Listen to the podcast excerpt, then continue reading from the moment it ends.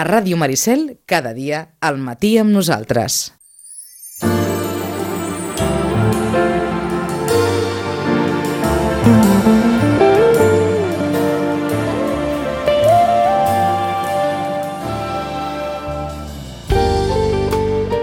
I és que ara resultarà que els polítics han d'aprendre història.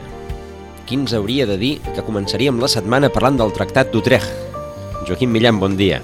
déu nhi no? Bueno, jo crec que també eh, hi ha aquella famosa frase, per saber on volem anar hem de saber no on estem, si d'on venim, no? Sí, el, el que passa és que una vegada escolta, eh, escolta molts polítics, no tots, òbviament, afortunadament, però molts polítics i un pensa que el dia que feien història a classe doncs van, es van quedar al pati, oi? Bueno, per això eh, moltes vegades eh, aviam, ara també és fàcil criticar sempre a toro passau, però també és veritat mm, que moltes vegades els polítics tenen la tendència a sempre respondre pensant que ho han de saber tot, perquè com si estiguessin passant cada, cada dia, en cada moment, en cada pregunta un examen, i a vegades és molt més senzill, pues, eh, escolta'm, poder dir, mira, sobre aquest tema eh, doncs eh, m'agradaria pensar-m'ho, sobre aquest tema no tinc una opinió definida, no passa res, el que passa que en aquest país sembla que quan tu dius que sobre aquesta qüestió pues, ara no en vols parlar o aquest tema tema no portes massa bé perquè realment doncs, bueno, doncs no, no, no, no, sempre has d'estar 100% de tot,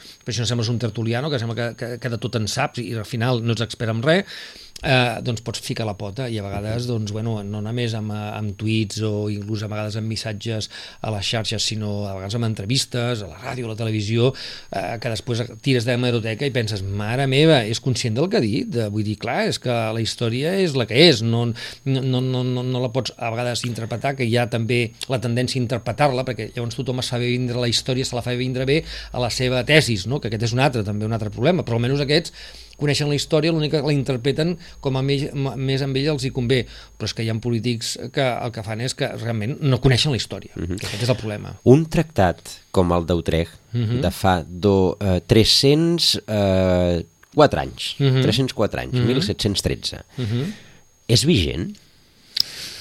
Bueno, això, òbviament, mm. ara, ara, ara faré, uh, faré cas al que t'estava dient, doncs, home, jo no sóc, uh, soc uh, saps que tu, uh, com tothom que m'escolta, doncs, que, uh, aviam, sóc un expert en l'àmbit europeu i internacional i també uh, vaig estudiar dret i, per tant, podríem dir que sóc un jurista, entre cometes, mm -hmm. però sí que és veritat que no sóc un especialista en el que seria el tema de, de dret internacional uh, privat o públic i especialment amb aquesta qüestió.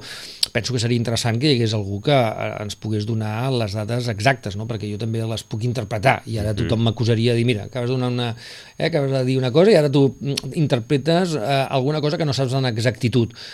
Clar, tots els tractats, mentre no estiguin derogats, eh, això ja per sentit com ens ho diu, doncs són vigents. Passa que a vegades és com aquell contracte que, que penses que no el tens perquè com que està tan ben escrit, el tens en un calaix, que és el que diuen els advocats, aquell contracte que no utilitzes és que està tan ben escrit que no hi ha dubte. I per tant, bàsicament mai està al calaix però mai el treus perquè, clar, és tan claríssim per ambes parts que no hi ha mai dubte, vull dir, està tot allà regulat, cosa que és molt difícil, eh, perquè sempre, evidentment, ja les coses van canviant. També és veritat que els tractats s'han de posar en context, eh? vull dir, també la, la, la història canvia, eh, estem, estem parlant d'un grapat anys, i especialment en els últims anys, vull dir, evidentment, penso que entraríem en aquesta dinàmica que, que uh, la, la, la, la història canvia, ens hem d'adaptar i la llei que està, i els tractats no deixa de ser un contracte entre estats, perquè eh, el, els contractes és, eh, és un acord entre persones, un tractat és un acord entre estats, Aviam, també eh, la història dels estats, la història d'Europa, la història del món va, ha canviat i ha canviat els últims anys molt ràpidament. Per tant, també ho hem de posar en context, però també els hem d'adaptar. Això de que hi ha un tractat i que ja és intocable i que serveix per tota la vida està molt bé, però evidentment hem de pensar que eh, tal com estan les coses i com aniran, eh, els tractats s'han d'anar també eh, actualitzant si més no, i per tant aquest és un tractat que haurien de poder actualitzar-lo. Mm, això també que, que quedi dit. No? Eh, de fet, aquest tractat va suposar doncs, una eh, eh, l'equilibri europeu en el seu moment, clar, a, clar, principis, clar, a principis clar, del, segle, clar, clar. del segle XVIII, i va comportar, entre altres coses, que Gran Bretanya doncs, li digués a, al regne d'Espanya que podia fer el que volgués amb Catalunya, entre d'altres coses. Per exemple, va, per va, exemple. Després del 1713, que és Utrecht, ve el 1714, que és la caiguda de Barcelona, Correcte. però, entre d'altres coses també, hi ha Gibraltar, perquè va ser la concessió dels Borbons eh, a canvi de la retirada de Gran Bretanya d'aquest conflicte. conflicte. Sí, correcte. I, I a més a més, doncs, que Gran Bretanya tenia màriga ampla amb Escòcia, i per tant, doncs, tot allò que va parlàvem fa 300 anys, doncs resulta que ara té vigència. Bueno, de fet ja has vist que vull dir que darrerament també han sortit comentaris a la, en els mitjans de comunicació d'algun exministre que ha assumit que, que, que els favors internacionals no són gratis no? Uh -huh. pues aquí ens trobem també un mateix, no? Vull dir, en altres èpoques es feien tractats on també eh, havia una cosa escrita que era a canvi de cromos i que jo aquí no miraré, tu allà faràs, jo deixaré de fer veure que estic, jo em retiro d'aquí, tu et quedes allò. Havien aquesta, aquests, aquests intercanvis entre, entre els estats i bàsicament entre eh, els poders fàctics que en aquells moments o els interessos que havien, parlaves dels borbònics en aquella època i ara podrien ser els interessos polítics que poden haver-hi en moment oh, encara hi ha borbons, eh? Sí, sí, també, també, també Déu-n'hi-do, déu nhi déu nhi vull dir, eh, vull dir que aquest seria un altre debat, eh? però vull dir que, que realment, doncs, esclar, en aquests moments i a vegades jo em pregunto, de la mateixa manera que ara ens podem preguntar això amb, amb, amb distància i, i possiblement ara seria molt més fàcil parlar del Tractat d'Utrecht del que està passant avui en dia, jo em pregunto a vegades si els acords dels estats són realment interès dels estats o un interès polític del govern d'aquell moment d'aquell estat, que aquest seria una altra qüestió que sí que seria mm, de debat i de llarg debat, perquè uh -huh. ni no ho dic només pel cas espanyol, eh? vull dir que ho podríem dir per tots els estats, vull dir, al final, quan bueno, això és una qüestió d'estat, què vol dir? És una qüestió d'estat real o és una qüestió del partit que governa en aquell moment que té un interès concret, inclús a, a, a mig termini electoral. Eh? Uh mhm. -huh. Doncs incorporem, si, si et sembla, Joaquim, a la, a la conversa el senyor Henri de Laguery, que és eh, corresponsal a Barcelona per la ràdio francesa Europe 1 i també de la, per la ràdio pública francesa RTBF, senyor... Belga. Eh, he dit, he dit, què he dit? La francesa he dit francesa, francesa, francesa, no, belga, belga. A més, ja és bo, eh? eh? Una ràdio francesa i una ràdio belga. Henri de Laguery, bon dia. Bon dia. Um, una, una pregunta simplement per curiositat, eh? Uh, aquesta, d'on sou? Jo? Sí. Jo, jo soc de, de, de París. De París, d'acord, francès. d'acord. Sí, sí, sí, soc francès. Eh, és, és interessant. Es, es cobreix diferent la, eh, la política catalana i espanyola eh, per una ràdio francesa que per una ràdio belga? Uh, miri, jo tra treballo de, de periodista de freelance, treballo uh -huh. per, per uh, aquests dos mitjans, per també per, per d'altres uh mhm. -huh. i, i quin, cada mitjà té interès di, diferents. Eh, haig de dir que és veritat que la, la ràdio pública de Bèlgica doncs, sí que s'interessa molt el que passa a Catalunya, eh, específicament. Ja tenen algú també a, a Madrid, o sigui que eh, comparteixen una mica la, la, la, la feina i per el que fa a Europa a París, doncs sí que l'interès és molt menys important de, de tot el que és la, la, la, la política uh, en general i menys la, la, la catalana, doncs sí que per Europa faig tota Espanya sí que viatjo bastant, però és veritat que no faig un seguiment de la política espanyola catalana dia a dia, diguéssim. Um, sí que el fet d'estar aquí ha sigut important, per exemple, per seguir tot el moviment indignats i després la, la victòria de, de la Colau a l'Ajuntament de mhm. Barcelona, uh -huh. que ha tingut bastant de, de sort dels mitjans de, de França.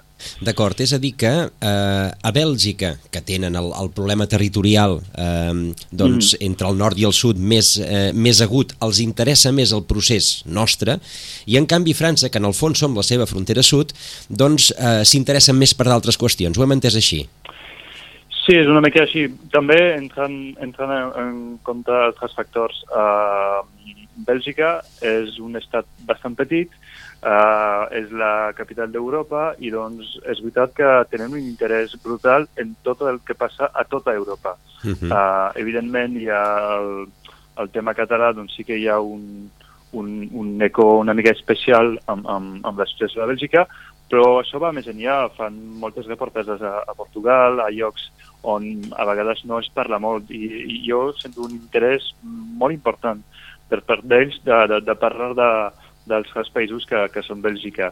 I França, tot i que soc francès, ho lamento dir, però és així, és veritat que ens mirem massa l'omblic. Uh, França és un país que la informació internacional doncs, costa bastant i per el que fa a Catalunya, doncs, jo diria que l'interès ha posat bastant eh, entre el 2010 i ara, per exemple, però sí que he notat un moment de, de cansament potser de, de veure que cada any semblava que hi anava a passar alguna cosa i al final no ha passat res. I doncs des del el 2015, el 2015 de les eleccions del 27S ha sigut el punt d'interès màxim, diguéssim. Des de Mhm. llavors sí que ha baixat bastant i en general em diuen, miri, farem alguna cosa quan passi cosa de veritat i D'acord. no solament anuncis. Eh, per, diguéssim. per Euroc One eh, cobriu tot Espanya, ens heu comentat, oi? Sí, sí, sí, sí. Uh, eh, es cobreix bé tot Espanya des de Barcelona? Perquè això és, eh, gairebé seria com una rara avis, no? Sí, bueno, uh, jo viatjo bastant... En- en- entenc, eh? És, és, però, però el que passa és que potser, uh, uh, jo diria al revés, a vegades si estàs a Madrid, doncs uh, potser et costa uh, cobrir uh, coses que passa uh, a tota la, la resta de, de l'estat. Correcte, esteu, Uh, estaríeu massa mediatitzat pel, pel, pel govern central, per entendre'ns, o, per, No. o, o, per Madrid Sí, no, ministeris, per entendre'ns, oi? No, no, no, no ho sé, és veritat que és de dir que jo tinc com tres, uh, uh, tres parts en el meu servei, hi ha els mitjans uh, catalans i els mitjans espanyols i també els mitjans francòfons uh, de, França, Uh -huh. i ho tinc tot, tot bastant barrejat i intento, és veritat, sempre um, agafar les coses amb, amb, amb, dins, amb, amb distàncies. Uh -huh. Uh, però bueno, entenc, entenc que pot ser una mica curiós. El que passa també és que és veritat que, que uh, a nivell diplomàtic Espanya no és, no és ni Anglaterra ni, ni, ni, ni Alemanya i doncs uh, jo no faig molt, molt poc seguiment de- d'actualitat política, diguéssim, uh, excepcions a part d'eleccions o, o quan ha sorgit a Podemos Uh -huh. però si no, eh, és veritat que també Barcelona és una ciutat que, que és, molt, és més visitada i coneguda, diria, per als francesos que, que, que Madrid. I després, bueno, és més una... Com que soc freelance, també jo m'he instal·lat aquí i al principi m'havien dit, bueno, t'aniràs a Madrid i al final no he anat. Bueno, de, forma definitiva sí que vaig bastant sovint Uh -huh. i, i, i ja està, ja està, sí. Doncs eh, eh, us hem trucat per parlar una miqueta d'Europa eh, i Europa no està precisament en el seu millor moment. No, no. això, en això convindrem tots. um, aleshores, a partir, a partir d'aquí, aquest, eh, fa mm, quatre dies la senyora May ha activat el Brexit, eh, aquest any hi ha eleccions a França i es veu que hi va haver un debat suporífer, pel que hem llegit en alguna crònica, entre els 11 candidats a les presidencials franceses. Um, és a dir, que Europa està, diguem, enmig de la coctelera, per, per entendre'ns, oi? Sí, sí, sí, sí. Sí. Aleshores, quina... Sí, perdona. eh, Endavant. Quina, quina era, volies que parlessi d'Europa de, de, com està vist des de, Sí. el debat polític de, de, de França. Uh, bueno, just abans que, que d'entrar uh, he mirat un article, m'he donat compte de que dels 11 candidats que hi ha a les presidencials franceses, Uh -huh. hi ha 10 que o han votat en contra de, del Tractat d'Europa del 2005, el referèndum del 2005, o del Tractat de Maastricht, uh, fa més de temps. Això vol dir que tens uh, molts candidats que són mm, no tots contraris a la Unió Europea, però sí amb, amb bastant dubtes, amb, amb actitud uh, no bastant, bueno, diguéssim, negatives. De fet, hi ha quatre candidats que, que volen que França uh, se'n vagi d'Europa. Uh, I això sí, és bastant fort i això no passava abans. Uh, lo bo és que ahir, per fi, en aquest debat que jo crec que ha passat una vegada i no hi haurà més debat, perquè un debat a 11 per- jo crec que és impossible i a més mm, sé que no està bé dir-ho i que la democràcia està superbé, no sé què, però hi havia candidats que, que no estaven a l'alçada Uh -huh. i clar, és, és complicat eh, posar candidats d'un nivell tan diferents entre ells.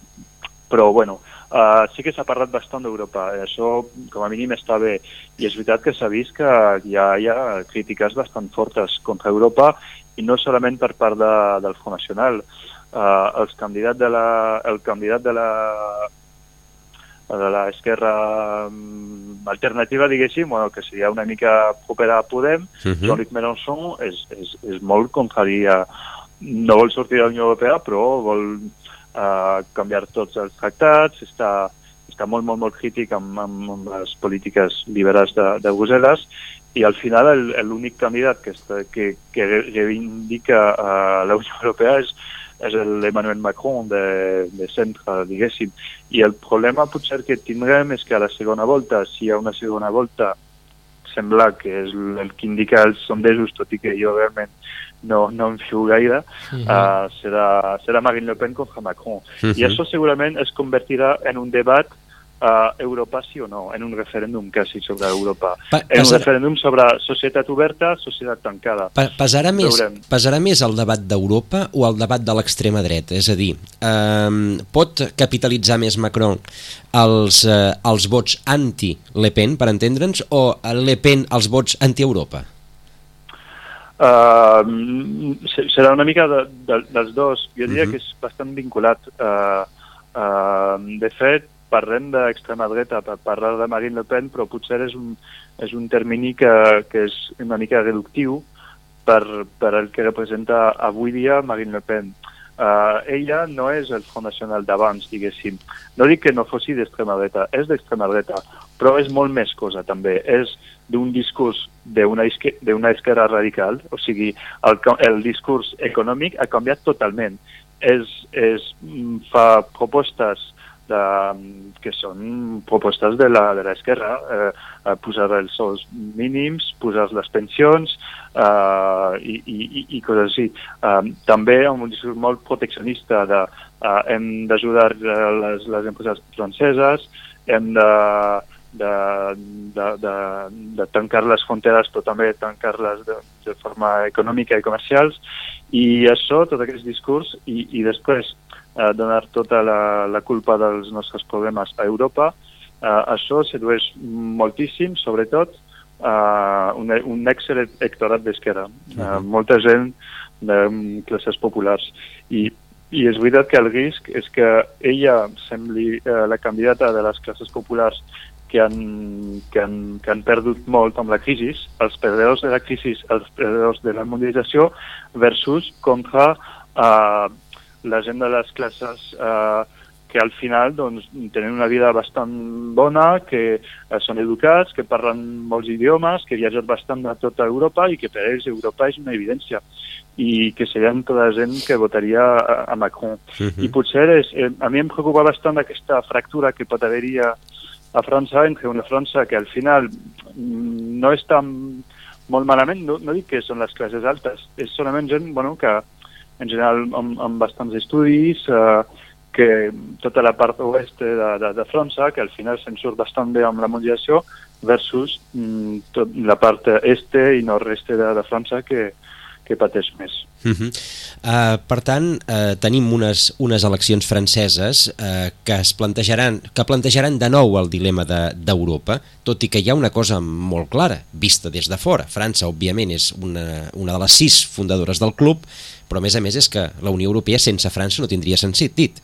Ja, sí, sí, sí, sí. Sense Gran Bretanya pot tenir sentit, sense Polònia podria tenir sentit, fins i tot sense Espanya podria tenir sentit, però sense França eh, es, es va pensar, eh, anava a dir l'invent com, a, com una unió entre Alemanya i França. Sense França una unió no existeix. No, no, ja, a mi em costaria molt imaginar-ho i, i jo crec que a més el que és curiós és que Marine Le Pen és una mica eh, encara es dona compte de que potser, eh, tot i que hi ha molta gent que vol votar per ella, a l'ho de sortir de l'euro no, la gent no ho veu molt clar. Per això ha dit que si fossi eh, si, si, si guanya les eleccions, ha dit que farà un referèndum després per eh, demanar al, a, a França als francesos si volen sortir o no de l'euro. I ella ha dit que si perd el referèndum doncs s'anirà i deixarà la presidència. Això vol dir una mica que, que, bueno, que encara no, es dona compte que no està molt, molt segur d'aquest tema i és veritat que per, a nivell econòmic hi ha mhm. moltíssimes empreses que, que no, això, això, no, això no, no, no, no, no és possible. És a dir, Però, si, el, si el, bueno, exacte, si el Regne Unit, que en principi no eren gaire europeistes, eh, la sortida en si ja els hi representa un, un trauma important, per França, que en principi sí que són allò de, de, del furgó de, de, del davant, mm, clar, el, el, el trauma seria... Per Europa seria sí. molt greu, però per França probablement també. Sí, no, no, seria, bueno, seria un desastre i de moment és veritat que no es, no es contempla aquesta possibilitat. Uh -huh. uh, es, es parla tal, però també jo crec que hauria de ser uh, uh, també una oportunitat per Europa pensar bueno, en, què, en què hem fallat perquè hi hagi tanta gent que, que, doncs, que tingui aquesta visió negativa d'Europa. De, és veritat que uh, el Front Nacional com la, com l'esquerra plantegen uh, problemes sobre, per exemple, els treballadors desplaçats a dins de la Unió Europea i aquesta competència a vegades desleal que es fa eh, entre, entre treballadors de segons quins països. Uh -huh. eh, per exemple, això no sóc especialista, però em dóna la sensació de que potser en aquest tema s'hauria de treballar perquè no hi hagi eh, aquesta sensació, que jo crec que són més que sensacions, realment eh, a vegades pot ser eh, moment de, de, de competència desleal,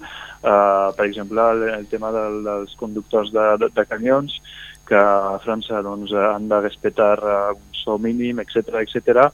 quan un de, de Polònia potser no, no haurà de, de respectar això i podrà treballar a França. És a dir, um, es va unificar... Hi ha, hi ha coses que canviar. Correcte, es va unificar la moneda, però s'haurien d'unificar moltes més coses. Ja s'havia dit en el seu dia mm. les polítiques fiscals, però també de determinades condicions de, de, de treball perquè doncs, tothom estigui més o menys jugant a les mateixes regles. Sí, sí, exacte. I a més, eh, potser eh, començarà a haver-hi, bueno, és, és més un desig que una realitat, però la possibilitat de dir, eh, podem criticar eh, a les polítiques implementades per la Unió Europea o les opcions, eh, i això no voldria dir eh, tirar a tot el que és Europa, i de fet Emmanuel Macron ho ha dit, crec, ha dit, eh, eh, per exemple, si a França hi ha coses que van malament, no per això van, anem a, a posar a França a la, a la paperera. Mm. Però bueno, és veritat que encara és la realitat, no hi ha un poble europeu no existeix, i no hi ha aquesta sensació de que um, bueno, em, sí, eh, eh, que, que, que, no, que cada país, cada estat pensa en el seu i no, i no en una visió global. Uh mhm. -huh. Us volíem també preguntar uh, per Holanda. Uh, ara recentment hi ha hagut també eleccions a, uh, a Holanda eren, de fet, les primeres eleccions d'aquest de, any, després del, del Brexit, hi havia mm. la por de que també els, els partits populistes o els partits antieuropeistes eh, traguessin alguna cosa. Finalment, doncs, eh, el partit eh, doncs, més situat a l'extrema dreta no va aconseguir eh, els escons suficients com per poder manar en el, en el Parlament, i en paral·lel ens trobem que el president de l'Eurogrup, el senyor Dieselbloem, es va desmarcar, destapar la setmana passada amb unes declaracions sobre que al sud d'Europa tot havien estat mm. vi dones, una cosa així. Sí, una, una best... sí, i mujeres. Sí, a, a, aleshores, a, aquesta, aquesta visió de, la, de les dues Europes és tan clara des, de, des del nord? Cobriu Bèlgica, Holanda està al costat, llavors Benelux, oi? Um, aquesta, aquesta visió gairebé paternalista del sud d'Europa uh, està molt implementada, està, és, és molt extensa?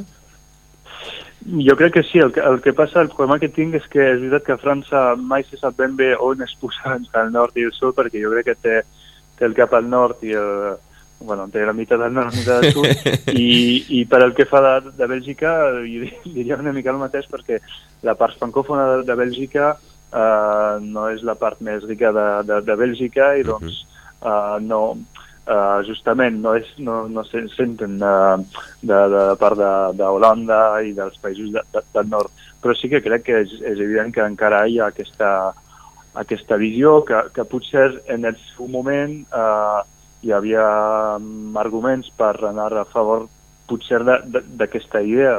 És veritat que jo no sóc especialista, però sembla que a Grècia hi ha hagut moments fa anys de, uh, havien maquillat uh, els, els comptes, etc. I així els hi va als grecs, sense... pobres. I així els hi va ara als sí. grecs. I doncs, doncs potser uh, sí, i, i és veritat que, bueno, per el que fa uh, Espanya i, i, i diria Catalunya també inclosa hi ha, hi ha, hi ha hagut infraestructures uh, curioses uh, dona la sensació que potser no calia fer... Eh, bueno, a, a mi la terminal 1 de l'aeroport de Barcelona em semblava xulíssima i tal, però a vegades dona la sensació de que estàs a, a un país molt més ric de, de lo que és exactament. Quan vas a l'aeroport de Berlín et sembla... Una, bueno, ara ho, ho van a canviar, però uh, a vegades, o, o no sé, estàs a les autopistes de, de Mallorca, són, són brutals. Uh, o sigui, i, I potser hi ha aquesta sensació de que s'han passat una mica al sud d'Europa, però, però jo jo sempre defenso bastant el sud d'Europa i crec que s'explica també per, per la història i per aquesta voluntat de, de bueno, hi havia molts, molts, molts retards aquí i és normal que hi ha un moment doncs, dona les ganes de, de, de, de voler anar ràpid i eh, rat, rat, rat, una mica el, el meu català però, però bueno, més tard a la mateixa alçada que dels teus veïns de, del nord. Mm -hmm. Us... hi, ha, hi ha una pregunta només, Enric, que et volia fer abans de... perquè tenim ja el temps una mica ja limitat, però per acabar et volia fer-te una pregunta, és a dir, una mica de fer... Ja sé que és difícil, però bueno, els periodistes a vegades entreu una mica al joc d'intentar fer un futurible, no? Havent vist el que ha passat a, a, amb les eleccions a Holanda, veient una mica com es planteja, i ho has explicat una mica, les franceses, també tenint una mica intuint el que pot passar a Alemanya, Tu com veus aquesta Europa? És aquesta Europa, aquest serà un any realment de molts canvis eh, eh, i en aquests canvis anirem cap a, diguéssim, la desconstrucció d'Europa, que és una mica el que s'està començant a, a algú a, a pensar, o realment serà el toc d'atenció que ens farà realment creure una altra vegada refer el projecte europeu posar més a Europa perquè veiem que sense Europa mm, poder les coses ens aniran molt pitjor en particular i en general. Tu com ho veus? Quina és la conclusió que treus? No ho sé, com ho has dit, és, és difícil i a més jo intento ser sempre en, el, en la meva feina, jo, jo trobo que hi ha, hi ha, hi ha molts uh, tertulians a tot arreu de, de Catalunya i Espanya que donen la, les seves previsions i intento no donar perquè uh, i, i segurament en aquest tema, que és l'únic que a vegades no sóc totalment objectiu, potser confondré els meus desitjos amb, amb la realitat. Mm, jo no, tot i, tot, tot i dit així, no crec que, jo, jo no crec que, que passarà la, la, la, la implosió d'Europa de, uh, properament.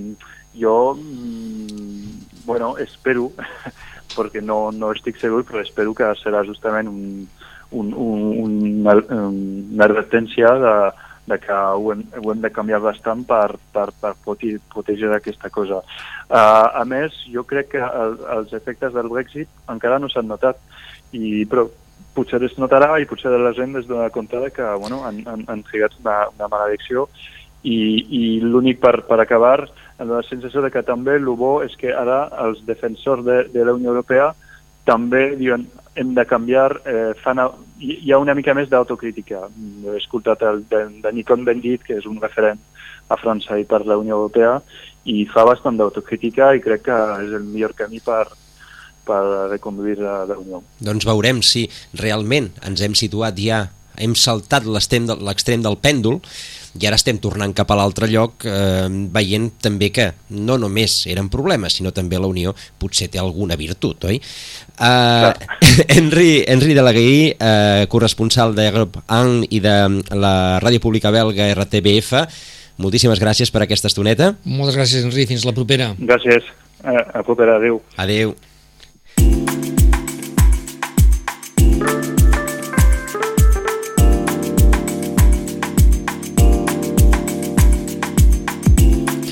I és que és això.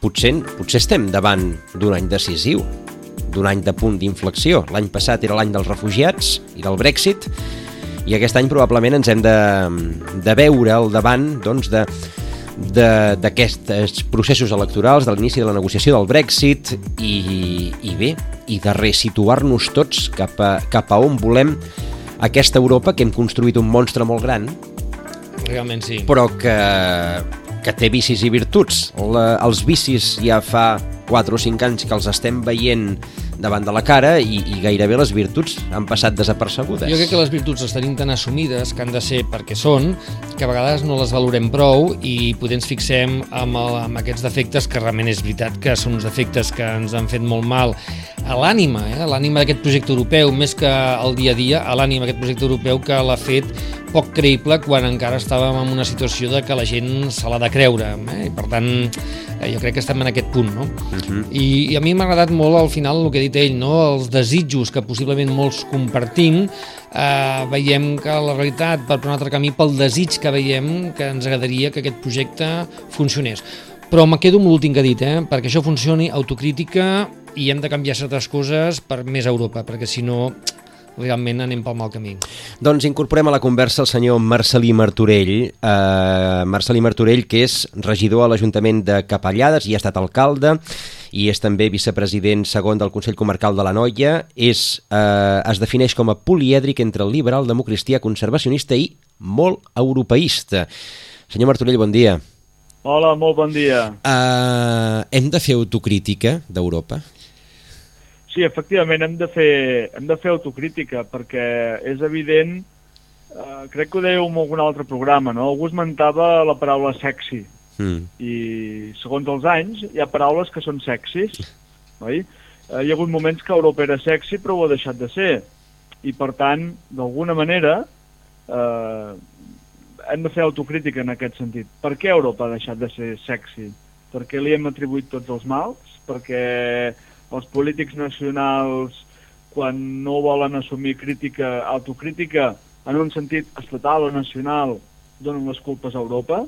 Jo penso que eh, ha anat creant un pòsit que en bona part de la població europea doncs, eh, es reflecteix en un euro. Uh -huh. I estem, estem en un punt d'inflexió d'aquesta Europa que coneixem. Ara, ara ho comentàvem amb, amb, amb l'anterior eh, contertulià que, mm, a veure, l'any passat va ser l'any de, dels refugiats i del Brexit, bàsicament, sí. i aquest any, l'any que hem d'assumir els refugiats i hem d'assumir el Brexit. I, per tant, de l'assumpció d'aquests problemes més les eleccions que, que tindran lloc al centre d'Europa, és a dir, especialment a França i a Alemanya, ens sortirà alguna cosa. Una cosa que ens pot fer anar pel pedregar, una cosa que, que haurà de canviar-ho tot, però igual no podem continuar. És l'any del punt d'inflexió aquest? Jo penso que aquest any és un any clau, és un any de cruïlla. Si Europa agafarà un camí o n'agafarà un altre. Com molt bé dèieu, eh, estem arrossegant la, la crisi dels refugiats, tenim tota una sèrie d'eleccions, hem passat algunes, les holandeses, sortosament pels europeistes han sortit prou bé, des del meu prisma ideològic, efectivament, doncs, també han anat eh, prou bé. Ens trobem amb, amb aquest abisme que és el Brexit, però compte, eh, ens queden les eleccions alemanes, que penso que podran anar prou bé des d'un punt de vista europeista. Les franceses, aquestes són capdals, o sigui, la Unió Europea té sentit en França, si uh -huh. no mhm. poder no, no té sentit. Això, eh, ho acabàvem de comentar, això. és a dir, sí, esclar, si, perquè, si perquè a França... Eh, França està, eh, és la ròtola, està, és aquella pedra, aquell frontispici que ho aguanta tot, uh -huh. no? Mhm. Si França cau, jo, Europa cau, això segur. Està clar. Jo penso que sí. Uh -huh. I, i, I penso també que, que en l'horitzó podem veure inclús alguna altra sortida, algun altre èxit eh, d'algun país de l'Europa de l'Est. Uh -huh. Em preocupa, no em preocupa tant doncs, com aquest cor, no? aquest cor de la vella Europa, aquells hereus doncs, de, de d'aquell espai carolingi d'aquell sacre imperi germànic, no? D'alguna manera, eh? Uh mhm. -huh. Aquest cor que, que fixeu-vos que la història, en diferents formes, uh -huh. que aquesta setmana es parla molt de Gibraltar, el Tractat d'Utrecht i Catalunya... Hem començat parlant d'això, ves? Sí, do, do, doncs, doncs no sé què passa a la història, no? Que hi ha temes que, que són recurrents i, i Com l'all. passar amagats 100 anys i poden tornar a sortir, no? Com l'all, anava a dir. Sí, doncs, no, responent a la, a la pregunta que em fèieu, no? Sí, uh mhm. -huh. efectivament estem en una, en una cruïlla en què Europa decidirà uh, què vol ser, no? Uh, seria bo, ara eh, ho heu apuntat ara en la conversa i estiro un, una miqueta aquí del fil, uh, seria bo que algun país de l'est, per exemple, uh, el cas de uh, Hongria, per exemple, eh, sortís? Sí diguessis, home... Clar, sí. és una, una, una, una pregunta de molta profunditat. Uh mhm. -huh. En principi, jo com a europeista no m'agraden, no m'agradaria que cap país en sortigués, no?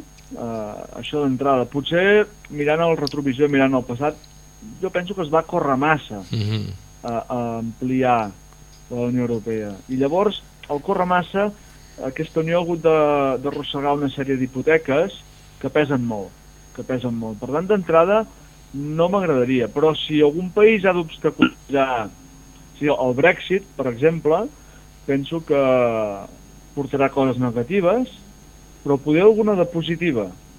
I és que es accelerarà o, o permetrà una acceleració de la unió política dins d'aquest context que contemplen els tractats de l'Europa a diferents velocitats, però així com mentre, mentre el Regne Unit impedia això, impedia aquesta unió política, ara sense el Regne Unit, jo penso que serà més fàcil.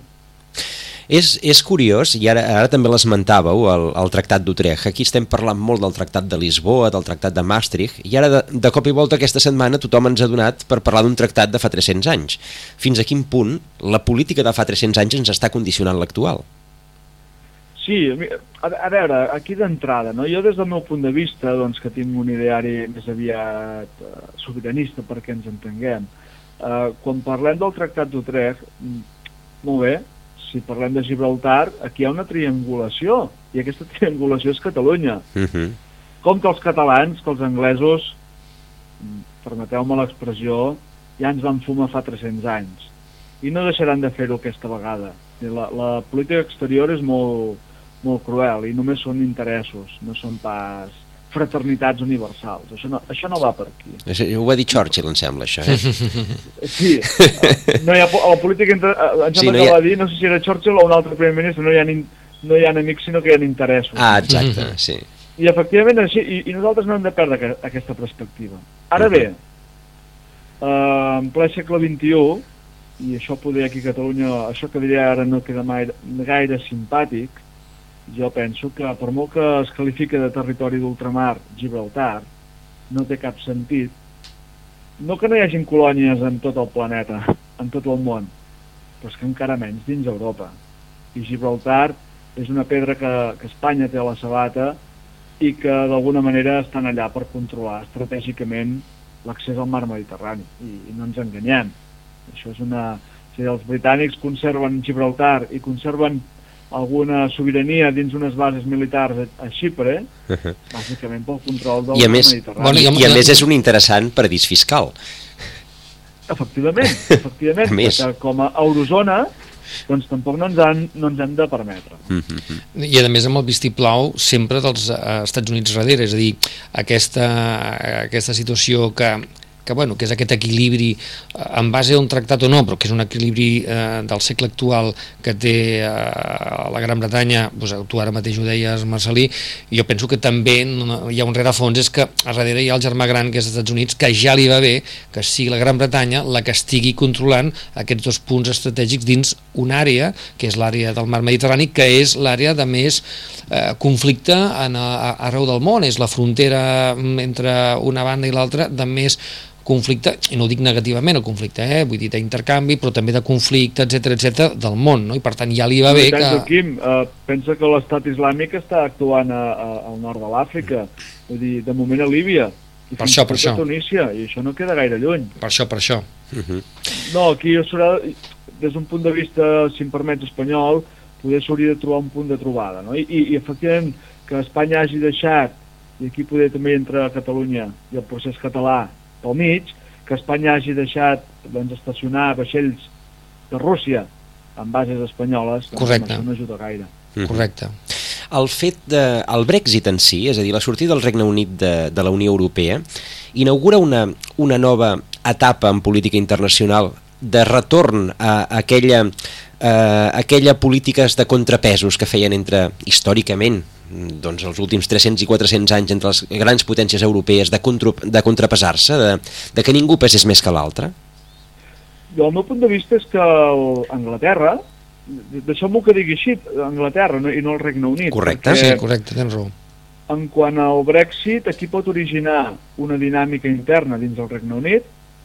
Jo conec una mica el, fet- el, el cas de, de l'Ulster, però ara també es parla d'Escòcia. Pot, eh, pot crear una desunió dins el Regne Unit i això Europa ho mirarà d'aprofitar-ho. Però no oblidem que els anglesos també miraran de dividir-nos els europeus. Uh -huh. De fet, Anglaterra ja ha tingut contactes amb un govern euroescèptic, que és el de Varsòvia, el de Polònia, per intentar desunir-nos. Perquè d'alguna manera la Unió Europea ve a representar ve a, res- a representar un desequilibri dins Europa. Dins Europa, eh, com a continent, eh? Eh, i en aquest sentit els anglesos ja van, històricament, eh?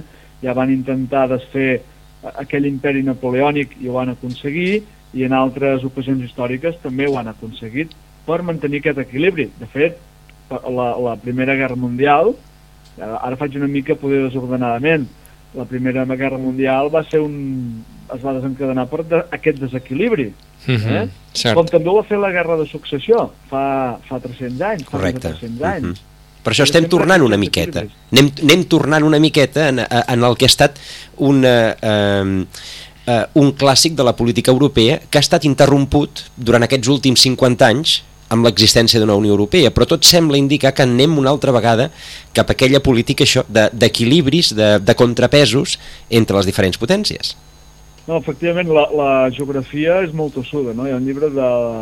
crec que és un autor que es diu Kagan, de, de, de Revenge of Geography, Uh -huh. i, i, i la geografia sempre és, sempre és la mateixa i sempre pesa molt i de fet poder és això el que fa que eh, històricament d'una manera, militarment, jurídicament etc però els interessos sembla que siguin eh, permanents, no? Mhm. A més, aquest, aquest cap de setmana, per una banda, el ministre d'Exteri- d'Exteriors espanyol va esmentar Escòcia, que no ho havia fet mai, amb una visió clarament estratègica, i un exministre britànic va esmentar Catalunya, que no ho havia fet mai, amb una, visi, amb una resposta clarament també estratègica, és a dir, que tothom al final està utilitzant les cartes d'aquella antiga política d'equilibris. Sí, sí, efectivament, efectivament, i per això doncs, no desestimen la, la, reconèixer una independència escocesa dins la Unió Europea i després veurem què passa, que això és molt... També, això donaria gairebé per un programa, Uh -huh. veure què passa doncs, a l'Ulster, a Irlanda del Nord. Aquí hi pot haver una redefinició, inclús algú ja parla doncs, de crear una Irlanda federal. Recordeu que els acords de divendres sant, a diferència d'Escòcia, que es necessita un acord del Parlament de, al Parlament de Westminster, com va passar per transferir competències a Edimburg, això no faria falta a l'Ulster. Sigui, Mhm. Si a l'Ulster demana un referèndum, sense l'acord de Westminster es pot celebrar. Per tant, aquí hi ha una, hi haurà una redefinició, perquè està clar que una, una frontera dura entre el nord i el sud d'Irlanda no interessa ni al sud, però per descomptat tampoc interessa al nord. Uh -huh. Doncs Marcelí Martorell, hem arribat, hem esgotat ja el temps, moltíssimes gràcies per aquesta, per aquesta estoneta. Us convidem a, a algun dia més, eh? perquè, perquè em sembla que podrem anar estirant del fil durant, durant aquest any, si us sembla. Doncs, doncs amb molt de gust eh, hi participaré i, i agraeixo i us dono moltes gràcies per tenir l'ocasió d'haver participat avui en el vostre programa. Moltes gràcies, Marcelí. Fins la propera. Moltes gràcies, Joaquim.